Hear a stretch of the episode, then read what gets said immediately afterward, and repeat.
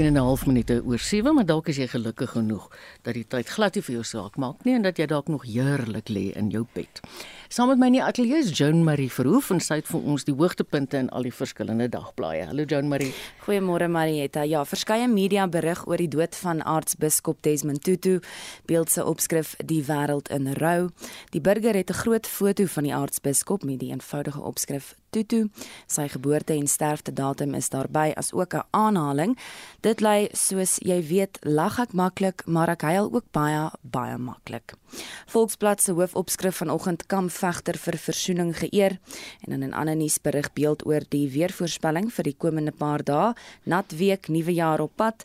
The Witness in KwaZulu-Natal berig shocking GBV revelations. 'n Onlangse opname toon dat die meeste gevalle van seksuele aanranding in die provinsie by kuierplekke plaasvind. Dan berig the Herald in die Ooskaap crack start to show in Bay Coalition. Die IDM dreig glo om uit die koalisie regering te onttrek en City Press berig oor die jaar se hoogte en laagtepunte. Die opskrif daar eenvoudig Scandalous 2021. Dit was Joan Marie Verhoef met vanoggend se nuushoogtepunte uit die dagblaaie. Emeritus aartsbiskop Desmond Tutu, soos ons in die nuus gehoor het, sal 'n spesiale kategorie 1 staatsbegrafnis kry. Die aankondiging is gemaak deur president Cyril Ramaphosa tydens 'n besoek aan die Tutu familiehuis in Milnerton in Kaapstad. He was uh, a voice of the voiceless. He was uh, the one person who campaigned for justice, really exuded love, embraced our people as a nation right across the various racial groupings in our country. Die stigter van die humanitêre organisasie Gift of the Givers, Imtiaz Suliman, het Tutu se dood as 'n enorme verlies vir die land en die wêreld bestempel. Suliman sê hy het baie by Tutu geleer. The man was outspoken, but he was never harsh. You know, he, he said what he had to say directly, but he was never hurtful. And those are lessons for us to learn. Emeritus aartsbiskop Desmond Tutu word Saterdag ter ruste gelê. Die verslag van Coben August, ek is John Marie Verhoef vir SAK nuus. Die voormalige president Thabo Mbeki se omstrede vigsbeleid het destyds kritiek by emeritus aartsbiskop Desmond Tutu ontlok. In 'n 2008 Harvard-studie wat in die Journal of Acquired Immune Deficiency Syndromes gepubliseer is, word die skuld vir die dood van meer as 300 000 vigsleiers voor Mbeki se deur gelê.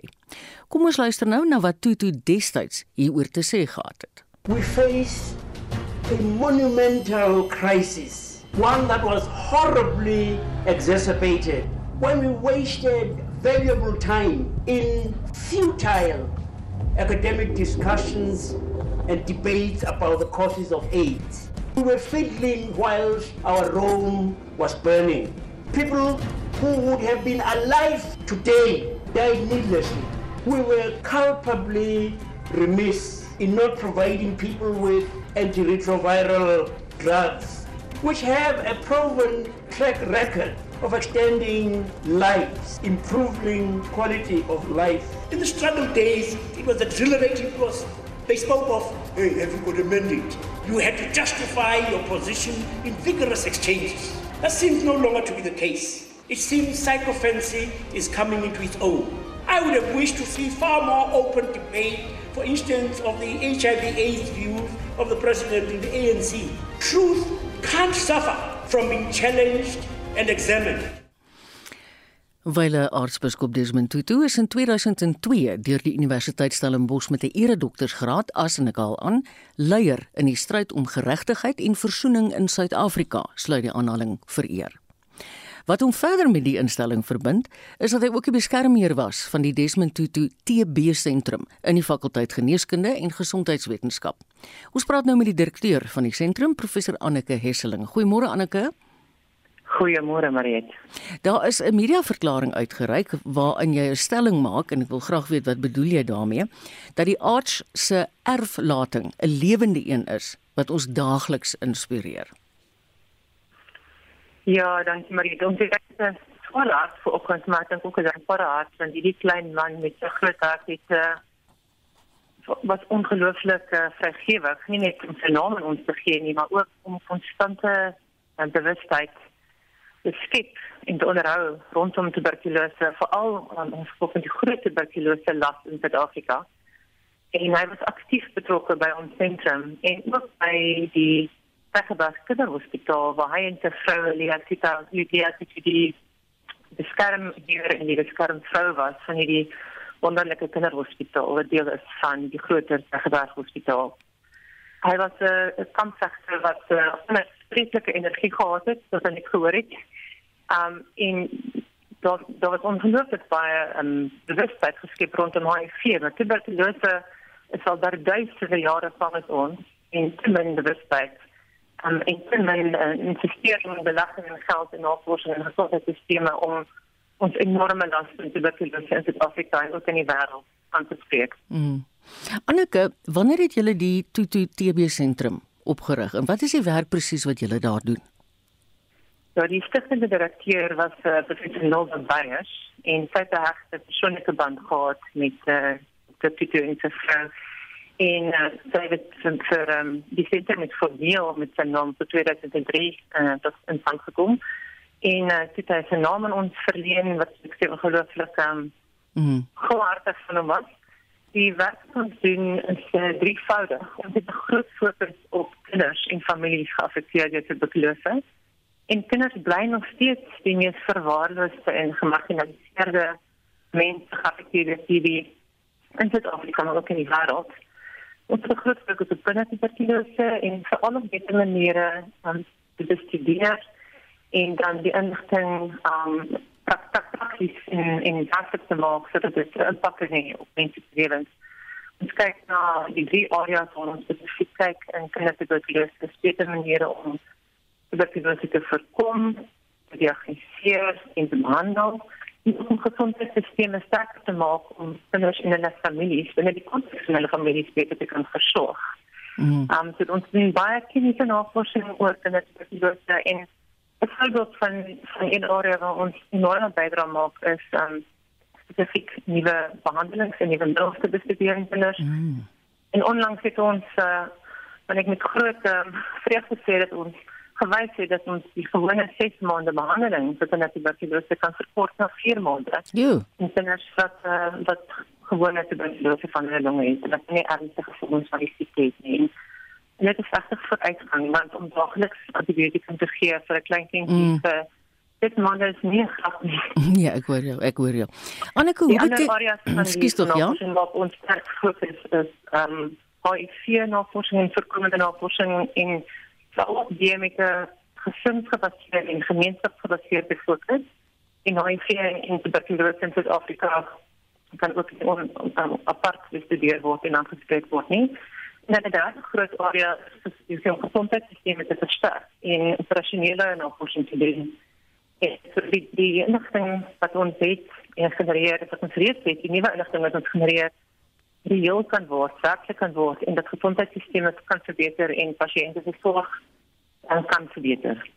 En ek dink jy die passie wat hy gehad het in sy werk teen TB is betekenisvol omdat hy self as jong mens TB opgedoen het. Ja, ek glo dit is so. Uh, my eie ma het ook tuberkulose gehad. ek sien dan dat ook uh, nou redelik pas op om persoonlik voel mm. om te tuberkulose. Ek dink ehm um, Dr. Tutu het ehm um, sy so lewenservaring het 'n besondere spekkel gespeel. Hy het tuberkulose op die ouderdom van 15. Hy was vir omtrent 2 jaar in die hospitaal en hy het ongelukkig 'n goeie sorg ontvang. Maar ek dink vir 'n kind om weg te wees van hulle familie ja. in die hospitaal te wees, te besef dat jy kan staf is mm. is 'n uh, dramatiese ervaring. Ek ook toe hy baie klein kindjie was, het hy ook in die hospitaal beland met 'n um, ernstige brandwondheid op polio gehad. Dit kind en sy ouma, ehm um, het besluit hierdie klein kind van hom gaan nie doodgaan nie en sy het hom sy naam en pilo beteken gesondheid. Ja. Ehm um, die ouma het besluit dit is doodgaan hierdie kind kom al nie, maar ek dink sy persoonlike ervarings met tuberkulose is was besonder ehm um, besonder sterk invloed gehad op sy mm. passievolle um, rol as 'n kampvegter. Ek sê sy passie was net so infektief soos tuberkulose, maar um, met met net met goeie gevolge en en hy het ouderdom tot, tot tot onlangs waar ongelooflik um, betrokke gebly by bewustheid en die bewustheid skik rondom tuberkulose met ons lewe nou in die middel van 'n nog 'n pandemie mm. COVID en en ehm um, tuberkulose is nou nog meer verwaarloos as ooit. Ehm um, en dit is 'n pandemie wat ek vroeër gesê het al vir duisende jare saam met ons is. Ehm um, en dan weer van Dr. Tutu se persoonlike ervaring. Hy het ehm um, so geïnspireer deur die mediese sorg wat hy gekry het toe hy as 'n tiener daar in die hospitaal geleer het hy self 'n mediese dokter wou word. En ten spyte van die feit dat hy so lank in die hospitaal geleef het, het hy ingekom en kon studeer in teorie, maar dit was van nie genoeg geld nie en hy kon nie beurs kry nie. So hy het op 'n ander paadjie gestap met sy lewe en 'n paadjie dink ek wat ehm um, uh wonderlike en ongelooflike ander invloed gehad het. Um in een staakie wat ek kan vertel of so, dit is baie dit is ehm hy um um baie graag wil leer weer meer weer van hoe dit is om 'n dokter te wees. En by die Dagabas Kinderhospitaal um het ons departement toe gereeld dat hy ingeskryf is as 'n mediese student. Um vir kort kursusse en sou ons dit bygewoon en geleer om kinders te ondersoek en te identifiseer. Um en um dit was vir hom net wonderlik dat hy vir die en sy en sy dagtig dat hy uh, 'n mediese student kon wees saam met alle jong mediese studente en ek dink dit vir hulle nog lekkerder gewees. Dis 'n wonderlike menslike storie. Annika, hoe erg is TB in Suid-Afrika? Miskien meer spesifiek in die Wes-Kaap waar julle sentrum is. Ja, weet jy, eh, Mariet, tuberkulose is uh, in Suid-Afrika globaal uh, nasionale vlak 'n groot probleem. Ehm um, daar was onlangs 'n groot nasionale prevalentiestudie om te kyk na hoeveel mense heidaglik aktief TB het en die probleem is oral groot. Dit is nie net groot in die Weskaap nie. Tuberkulose lei 'n leidende oorsaak en die leidende oorsaak van sterftes onder Suid-Afrikaners. Um en um tuberkulose het natuurlik ook 'n negatiewe impak op op mense met ander siektes onder andere ook COVID en en op mm. HIV. So en en binne die konteks van die enorme las van tuberkulose wat een van die hoogste insidente ter wêreld het, het ons ook baie middelstandige tuberkulose en ons het ook baie tuberkulose in mense wat woon met HIV. Mm. So ons het uh, ons het wat ons noem high burden en ons het high burden rond in terme van die geval die getal van nuwe gevalle maar ook um die hoeveelheid middelbestandige tuberkulose en hoeveel mense met HIV geaffekteer is deur tuberkulose. Um so dit is nou nie iets om oor tot te wees nie, maar ja. ons het ook mm. enorme vooruitgang gemaak in Suid-Afrika. Ons doen regtig wêreldleidende werk in Suid-Afrika om vir die res van die wêreld dan um, inligting te kan verskaf rondom beter maniere van TB-voorkoming en diagnose en behandeling. En die ek dink die die ongelooflike um konsentrasie van navorsers in die Weskaap is regtig leidend um in die wêreld. Dit is dis baie goeie nuus. Baie dankie. Dit was professor Anneke Hesseling. Sy is die direkteur van die Desmond Tutu TB sentrum aan die Universiteit Stellenbosch. Op pad na 24 minute oor 7. Aartsbiskop Desmond Tutu en die Dalai Lama het 'n unieke verhouding gehad. Die twee Nobelpryswenners het dikwels na mekaar verwys as broers en geestelike gidse. Weer Joan Marie. Een van die laaste ontmoetings tussen die Dalai Lama en aartsbiskop Desmond Tutu was in 2015. Tutu was in Indië vir die Dalai Lama se 80ste verjaardag. Hier deel Tutu van die lesse wat Suid-Afrika tydens apartheid geleer het. We in South Africa for many many years lived under a system of injustice and oppression. And many, many of our leaders and people, young people, went into exile. And it seemed like the chains of oppression would never be broken. But yo! It happened. It happened. One day, you too, all of you, one day will see your beloved Tibet. Tutu en die Dalai Lama het ook saam aan 'n boek, The Book of Joy, gewerk. Die boek is in 'n rolprent verwerk. In Junie vanjaar het die twee vir die laaste keer via 'n video-oproep gepraat. Die vrystelling van die rolprent Mission Joy: Finding Happiness in Troubled Times was een van die besprekingspunte. Although physically we say distance, but mentally we always together. Till my death I carry your spirit. Die interaksies tussen Tutu en die Dalai Lama word dikwels as joviaal beskryf. Now my English okay? Possible. Die twee leiers is egter verenig deur hul persoonlike ervarings in die stryd teen autoritaire politieke stelsels. Die verslag van Nia Punia in New Delhi, Indië. Ek is Jean Marie Verhoef vir SAK nuus. Ek moet sê ek hou nou die visuele beelde ook hier dop op die televisie in die ateljee.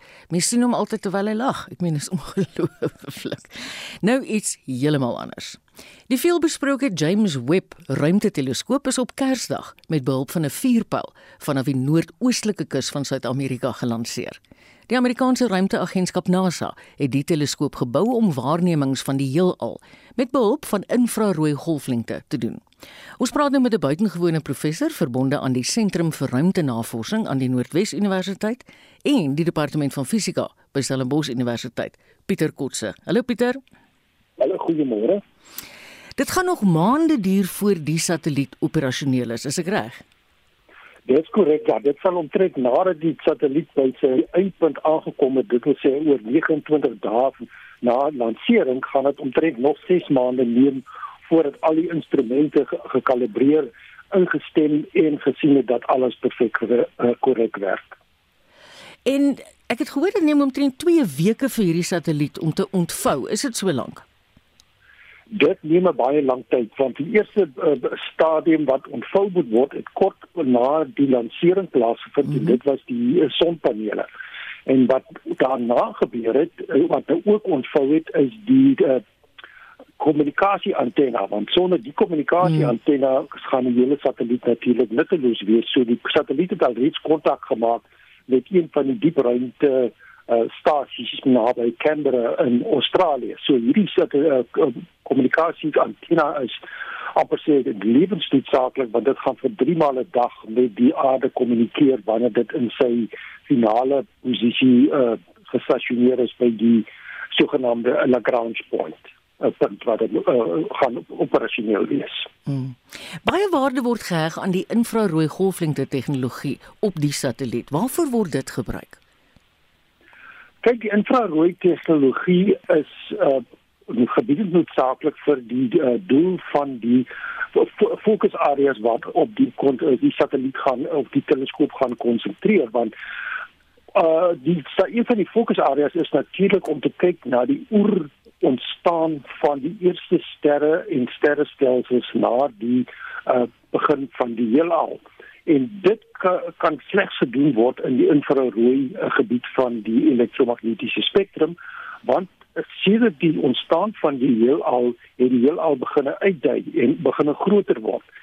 En wanneer die sterre nou hulle straling uitgee, is gewoonlik in die sigbare of in die ultraviolet gebied, maar wanneer dit nou na 3 13 of 18000 miljoen jaar later by ons aankom, het hierdie uh, golflengtes verskuif na die infrarooi toe so en dit beteken jy kan dit slegs in die infrarooi gebied uh, waarneem. En so dit is een van die uh, take van die uh, Webb teleskoop gaan wees om infrarooi waarnemings te doen van die ontstaan of die ontstaan van sterre ongeveer 100 na 200 miljoen jaar mm. na die ontstaan van die uh uh kan nie van die heel alslik maar sê. Pieter, hoe lank gaan hierdie satelliet daar in die ruimte bly?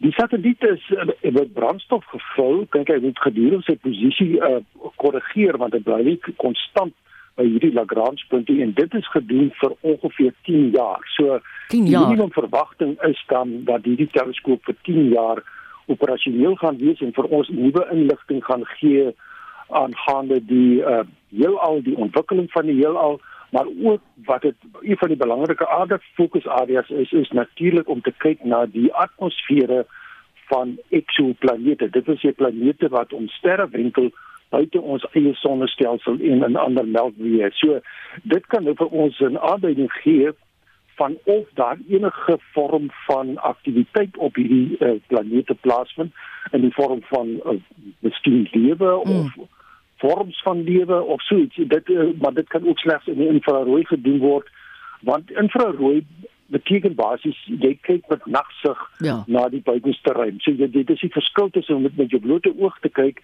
en om met nagsig toerusting uh, die uh, beelde en uh, strukture te kan onderskei wat in die heelal voorkom. Dis nou wel 'n projek van NASA, maar ek meen almal kan seker daaraan deel.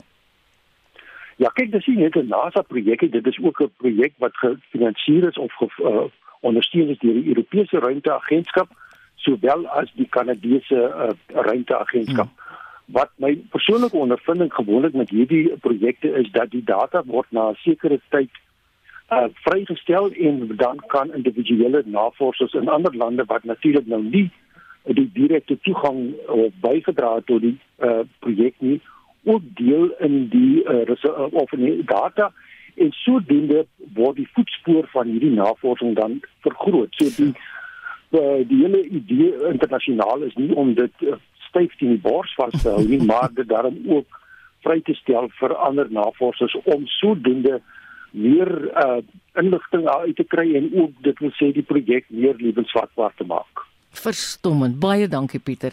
Dit was Pieter Kotse, 'n buitengewone professor verbonde aan die Sentrum vir Ruimtenavorsing aan die Noordwes Universiteit en die Departement Fisika by Stellenbosch Universiteit. Jy luister na Monitor elke weekoggend tussen 6 en 8.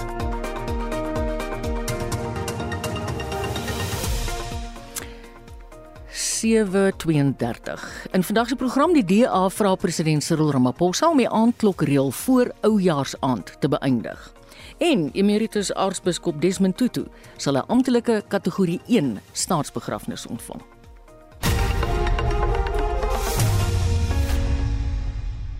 Is 5 voor 10 en is chappies. .com Slegs vir kinders van 13 jaar en onder. Wat bestudeer 'n paleontoloog? Is dit dinosourusse of is dit plante? Tweede vraag: Is 'n sebra swart met wit strepe of is dit wit met swart strepe? En wat is die naam van die sneeuman in die fliek Frozen? Heel eers het ek vir AJ Bob op die lyn. Hallo AJ. Hallo Tannie. Is 'n sebra swart met wit strepe of is hy wit met swart strepe? Ek dink hy's swart met wit strepe. Wow. Jy's ons kampioen, AJ? Ja. AJ, vertel my, hoe oud is jy? Ek is 11. Okay, AJ, jy's ons eerste kampioen van die week vir kinders onder 13. Dankie Tannie. Alu Becker met Amore. Weekoggende van 9 tot 12. The city is filled with bougainvillea. The enemy's hiding in the ferns.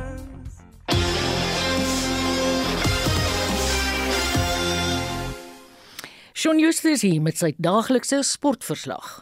Vir die laaste keer in 2021 kyk ons na van die jongste ranglyste en puntelere. Die eerste krieketoets tussen Suid-Afrika en Indië het Sondag op Supersport Park in Centurion begin. Indië begin dag 3, later op 272 vir 3 in hulle eerste beurt. Reën het dag 2 oorheers. Pieter van den Berg sorg vir gereelde verslae oor gebeure gedurende die toets. Engeland is vanoggend op dag 3 van die derde toets in die reeks om die as teen Australië vir 'n skammele 68 lopies in hul tweede beurt uitgeboonder. Die Aussies wen dus die toets met 'n beurt en 14 lopies en beklink ook die reeks met nog twee toetse wat oorbly. Die snelbouler Scott Boland was die speler van die toets met sy 6 vir 7 in die tweede beurt.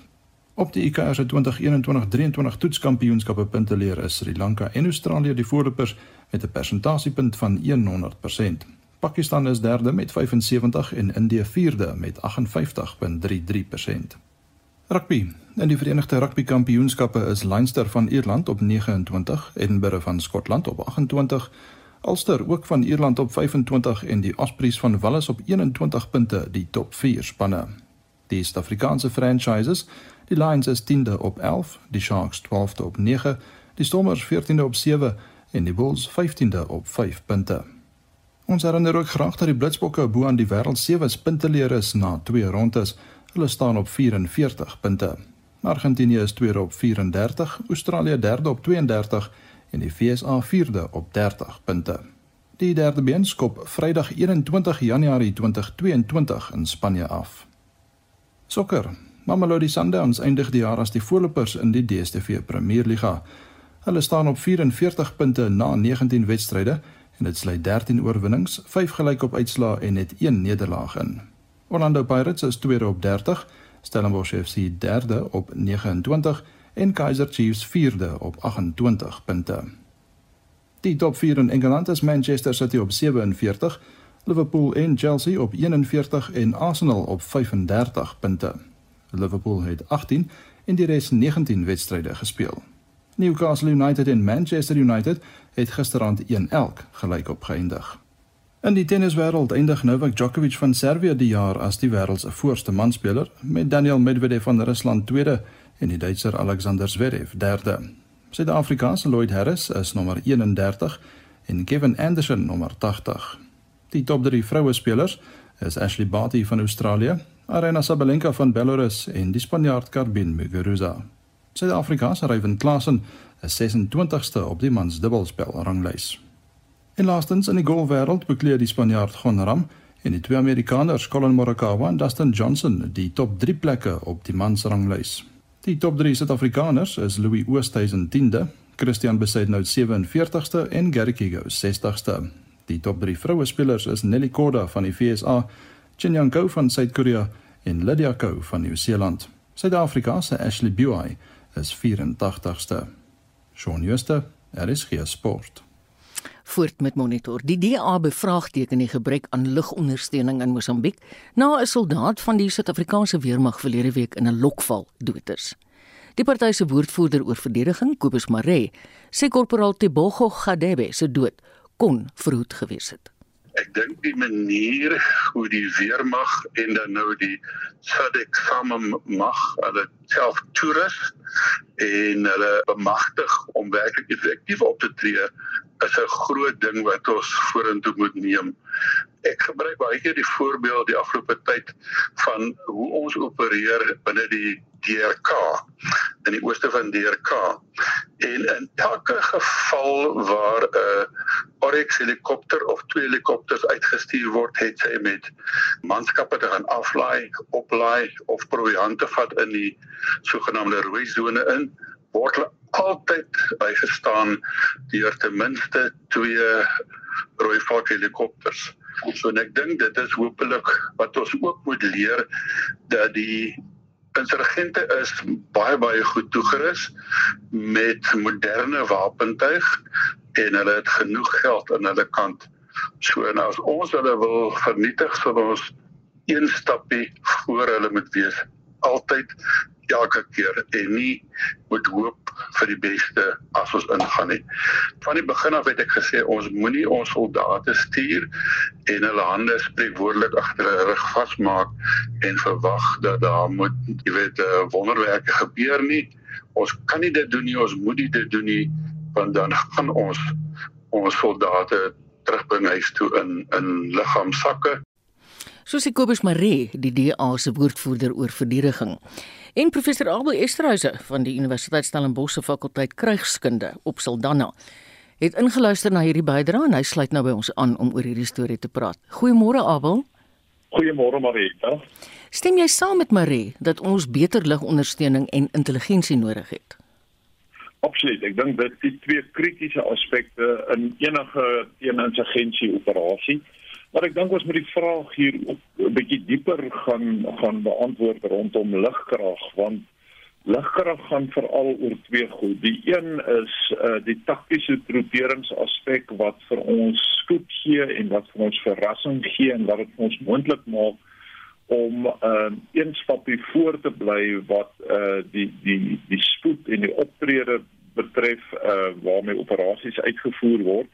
En dan die tweede belangrike ding ehm um, is taktiese ligsteen. Ehm um, daar is op die moderne slagveld eintlik geen manier wat 'n mens kan oorleef sonder taktiese ligsteen nie. Hmm. Ehm um, ons sit met aanvalshelikopters wat spesifiek ontwikkel is vir daardie doel en 'n mens moet eintlik net jou kop skud rondom hoekom uh, die rooi valk aanvalshelikopters nog nie ontplooi is in daai streek nie. Jy kan nie sonder uh, daardie tipe van uitrusting meer hierdie hierdie tipe van operasies uitvoer nie.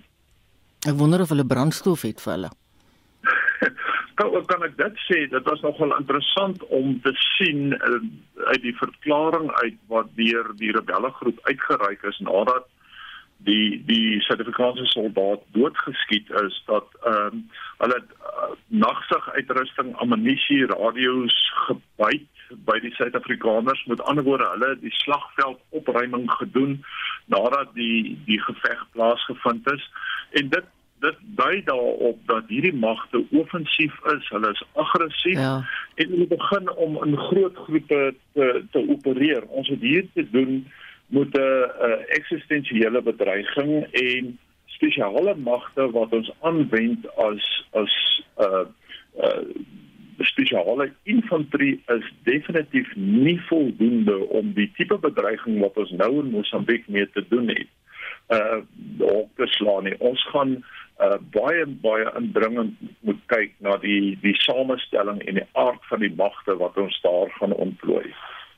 Ek herinner my 'n onderhoud met 'n kolonel in die weermag wat gepraat het net nadat dit gebeur het, waarin hy gesê het tussen die SAOG lande is ons weermag klaarblyklik tops. Stem jy? Ja, wel as as 'n mens vergelykend te werk gaan en jy kyk na Afrika, beskik ons oor oor goeie kapasiteit. Maar ek dink ook uh dit sal onwys wees en dit sal doeteenvoudig naïef wees om uh te dink dat die uh die verwaarlosing en ek praat spesifiek na die finansiële verwaarlosing weermag oor die afgelope 10 jaar uh nie besig is om ons ernstig in te haal en dat dit op die oomblik uh 'n ernstige demper plaas op ons vermoëns om te kan ontplooi in Ja. Mosambiek. Ons gaan definitief indringend moet kyk na na die aard van die magte wat ons daar ontplooi en die vergroting van die magte wat ons daar gaan ontplooi. Hierdie is nie hierdie is nie 'n vredesoperasie nie. Hierdie is 'n operasie, hierdie is 'n probleem wat ons die potensiaal het om ons in te suig Mm. en vir ons vir die beste deel van van 10 jaar besig te hou. Ons weet teeninsurgensie mag, uh, teeninsurgensie operasies is tydintensief, hulle is hulpbron intensief en hulle is inligting intensief. En as jy daardie drie boksies nie kan kan tik nie as ek nou die Engelse kan gebruik, dan is jy in die moeilikheid. Een ding. Wat is nou jou mening die regte manier om hierdie konflik te hanteer? Wel, ehm um, ek dink die die eerste aspek, kyk daar daar's daar's eintlik 'n baie eenvoudige resep vir teeninsurgensie operasies. Uh jy moet dood eenvoudig uh die teeninsurgent kan identifiseer. Tweedens moet jy hom kan isoleer van die bevolking en derdens moet jy hom dan kan elimineer. Nou dit klink na 'n baie eenvoudige proses as jy mense daaroor praat, maar om dit in die praktyk te doen is geweldig gekompliseerd en ons het dit gesien met die Amerikaanse operasies in Irak en Afghanistan. Mm. Eh as jy nie dink dat ons enigsins anders is in daardie opsig uh in in Suider-Afrika nie. So ons gaan definitief moet kyk na die uh, die kritiese aspek wat verband hou met die verband tussen ehm um, forces and ratio is die Engelse uitdrukking maar die hoeveelheid magte wat jy het in die ruimte waarin jy daai magte moet ontplooi en as jy nie voldoende magte het om die die ruimte om die die gebied wat jy moet, moet hanteer te te domineer nie dan dan is jy in die moeilikheid en dan gaan jy nie ehm um, offensief kan handel met die probleem nie Baie dankie dit was professor Abel Esterhuise van die Universiteit Stellenbosch se fakulteit krygskunde op Saldanha. Groter samewerking tussen Afrika lande is een van die redes waarom 2021 ook 'n jaar van hoop vir die vasteland is. So sê die Afrika-kenner Liesel Lou Woderen. Heinrich het met haar gepraat. daar was definitief kwessies wat Afrika vir die eerste keer eintlik as 'n groep aangespreek het positief en daar kyk ons na COVID-19 en hoe dat leiers in Afrika in die saamgestaan het teen 'n reisverbod uh, vir meer inentings vir Afrika ensovoorts. Lou Wouderen sê dit is opvallend hoe dat daar misgetas was oor die uitwerking wat die COVID-pandemie op Afrika sou hê. Die voorspellings dat Afrika absoluut die kontinent gaan wees wat die ergste getref gaan word weens sy gebrekkige gesondheidstelsels, weens die informaliteit van ons stede ensovoorts, het nie plaasgevind nie. En ek dink ons kan nie genoeg dit beklemtoon nie. Die aantal gevalle in Afrika is eintlik maar 'n fraksie wanneer ons kyk na plekke soos Indië, Europa en in Amerika. Jy weet Afrika se meer as 1 miljard inwoners. Die grootste impak was in Suider-Afrika en Suid-Afrika en dan nou in Noord-Afrika waar mense die meeste gevalle gekry het. So daai katastrofiese scenario wat aan die begin van 2020 voorspel is, het nie gebeur nie. Afrika lande se ervaring met die hantering van ander pandemies soos HIV, vigs en Ebola het goed te pas gekom. In 2021 kan ons sê het president Cyril Ramaphosa wat die AU se leier is aangewys is om Afrika se COVID-19 uh, projekte te stuur. Hy het voortgegaan om uh, met 'n klomp kinders van verskillende streke in Afrika te probeer nog steeds meer inentings te kry. Nou met hierdie reisverbod was dit baie interessant hoe dat in president Ramaphosa se Wes-Afrika reis nou baie onlangs daar so 'n positiewe reaksie was. En ek self het ervaar van sommer selfs op RSG praat en luister na die kommentaar van mense dat daar is bietjie minder van daai sin van Suid-Afrika teen die res van donker Afrika wat 'n groot gemors is, maar ons staan saam. Weet, dit is 'n baie subtiele skuif, maar ek dink dit was definitief positief in die laaste jaar. Die stryd vir enstowwe duur voort, maar daar skyn 'n lig in die tonnel. Ek moet sê, uh, byvoorbeeld die Chinese het tydens 'n onlangse groot vergadering wat in Dakar in Senegal plaasgevind het, 'n miljoene dosisse van enstowwe beloof vir Afrika. Daar word ook heelwat uh, enstowwe uitgestuur en gekoördineer vanaf die Afrika Unie se um, strukture daar in Addis Ababa. En dit dink ek gaan in die volgende jaar miskien vir ons vrugte afwerp. Dit is definitief nog 'n reuse probleem, maar ons weet in party plekke soos Suid-Afrika is daar eintlik op 'n hierdie stadium genoeg enstowwe en dat daar meer veldtogte miskien moet wees om enstowwe by mense te kry en nou natuurlik mense te oortuig om hulle inentings te neem. Wat politieke onstabiliteit betref, is Eswatini een van die uitdagings. Dit is definitief iets wat ons sal na moet kyk uh, binne die raamwerk van die SAOG en dan Suid-Afrika is die voorsitter van die SAOG se orgaan vir politiek verdediging in hierdie jaar tot en Augustus volgende jaar. So dit is eintlik ons werk sal moet wees om te bemiddel in Eswatini om uiteindelik die koning Swati te oortuig om ten minste net politieke aktiwiteit ehm um, toe te laat. Dit is definitief iets wat baie baie lank al moes gebeur het. Ten spyte van die onlangse aanval op Suid-Afrikaanse troepe in Mosambiek se Cabo Delgado streek wat die lewe van een soldaat geëis het, is 'n mate van sukses wel behaal in die stryd teen terreur daar.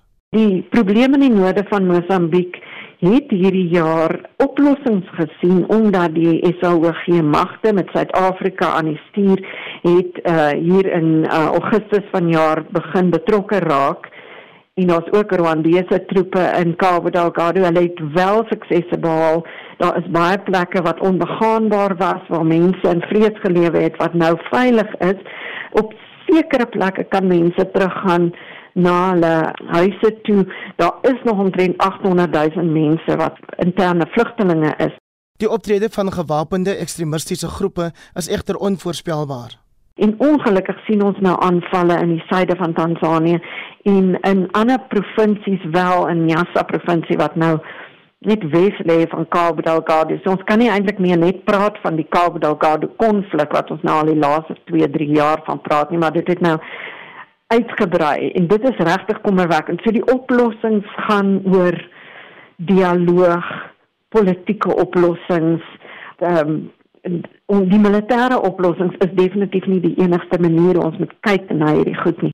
Lou Wouderen sê 'n mens moet jou glad nie verbeel dat Zimbabwe nie meer aandag verg nie.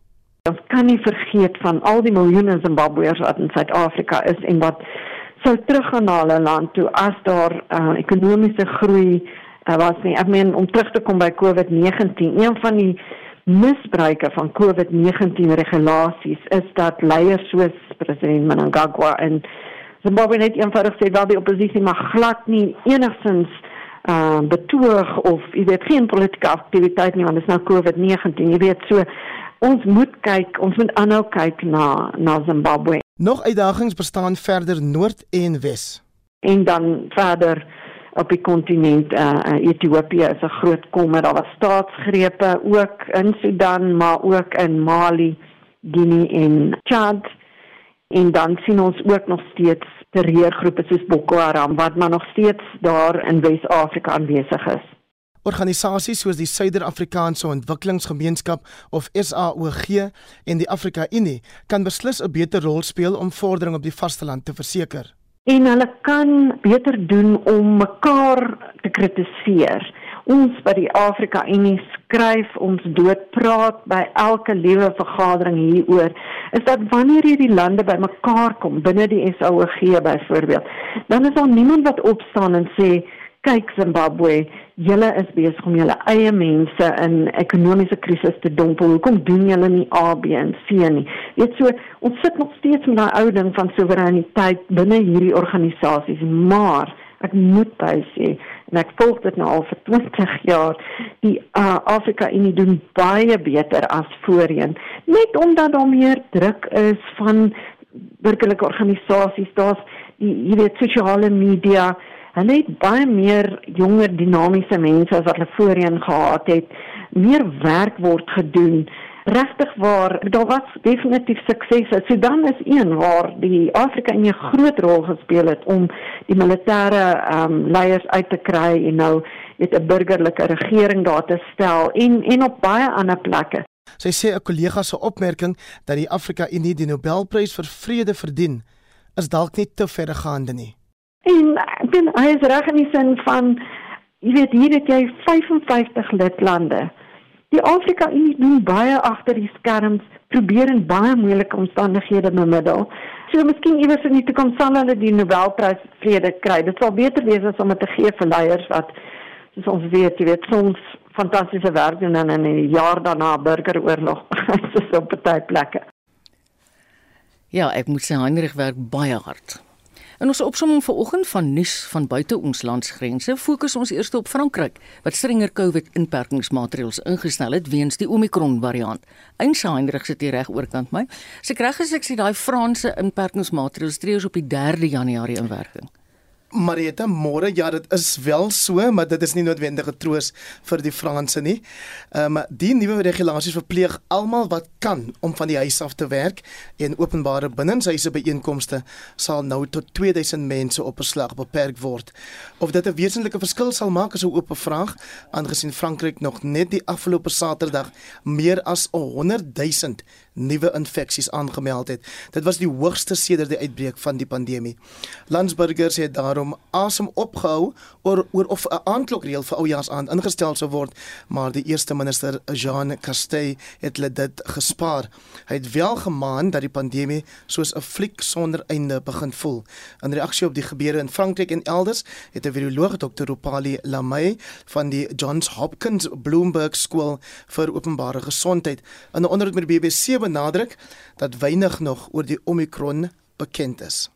I would think about the symptoms just in any other way that we've been dealing with them with regards to the Delta variant or any other variant. And so, again, there's very little that we know about this. We're learning about this every day. But so far, what we've seen is that the symptoms have been quite mild, and that's from the cases that we've seen in South Africa so far. Yeah, I mean, and this is what we keep hearing, don't we, Doctor? That, that it's still early days. We're still trying to figure out what this is. I spoke to the WHO yesterday, and they said uh, to me that it, it's a variant of concern, not panic. That's exactly right. And part of that is simply because there's no firm evidence yet that this variant is going to be more dangerous than Delta, for example. There's some evidence right now that we have seen that this variant may reinfect people more readily, but that's all we know. We really don't know a lot about how, how more efficiently it can transmit or if it, it is causing more severe disease. We just don't know yet.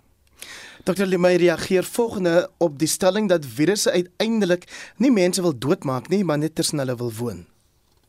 You know, the way that I explain viruses is that their main goal is to just replicate, right? That's what they want to do. And for them to be able to replicate, there needs to be a susceptible host. In this case, those are individuals that generally are those in, in this situation that are unvaccinated. So, as long as we have a population that is unvaccinated, the virus will continue to find susceptible hosts and therefore will be able to replicate. Um, it really depends on the virus with regards to, you know, they are really just trying to survive. In this case, unfortunately, we've also dealt with, I think, huge amounts of morbidity and mortality related to COVID. And our hope is that we will be able at some point to bring down that morbidity and mortality as we continue to vaccinate folks, et cetera. Dit was Dr. Rupali Limay van die Johns Hopkins Bloomberg Skool vir Openbare Gesondheid. Maar Heinrich, jy het ook vir ons nuus oor 'n nuwe Taliban reël vir vroue in Afghanistan. Die militêre groep het met hul bewindsoorname in Augustus die wêreld plegtig beloof dat hulle nie die regte en vryhede van Afghaanse vroue sal inperk soos toe hulle 20 jaar vroeër ook gereageer of geregeer het nie. Nou is daar egter 'n nuwe bevel uitgevaardig dat geen vrou op haar eie vir meer as 70 km mag reis nie behalwe wanneer sy deur 'n man vergesel word. Boonop weier die meeste hoërskole ook steeds toegang aan meisies terwyl die meeste vroue verbied word om te werk. Die internasionale groep Human Rights Watch sê die nuutste inperking is 'n stap nader daaraan om van vroue geheel en al gevangenes in hul eie land te maak. Ongelooflik. Kom ons praat van iets ligter so om mee af te sluit. En dit het te doen met ons liggaamlike reuke. So die BBC het 'n uh, beste stories vir 2021 versameling en een wat hulle opgediep het, die handel oor hoe dat ons liggaamlike reuke blykbaar meer oor ons ontbloot as wat ons sou dink, Marieta. Dit is geskoei op onder meer 'n studie deur die Universiteit van Macquarie in Australië. Een van die bevindinge is dat jou liggaamlike reuk die teenwoordigheid van siektes kan aandui. Sê maar nou kolera, ryk soet en akute diabetes soos vrot appels. En dan word ons ook vertel hoe meer vleis jy eet, hoe aangenamer hm. ryk jy. Enkel lopenders ryk ook blykbaar anders as mense wat in verhoudings is. Nou laat ek jou gou sê, ek eet baie graag vleis en ek is enkel lopend. Wat is nie nodig om jou neus vir my op te trek nie, Marieta. Dit was aan Heinrich Weingart. Tussen hom en Joan Marie Verhoef het ons werklik vanmôre 'n program. Nee, dit was interessant. Ons groet namens ons waarnemende uitvoerende regisseur Jean Esterhuizen, die redakteur vanoggend Justin Kennedy en die produksieregisseur Frik Wallis. Ek is Marieta Kreer bly gerus ingeskakel vir die 8uur nuus en geniet die res van jou dag in die geselskap van RSG.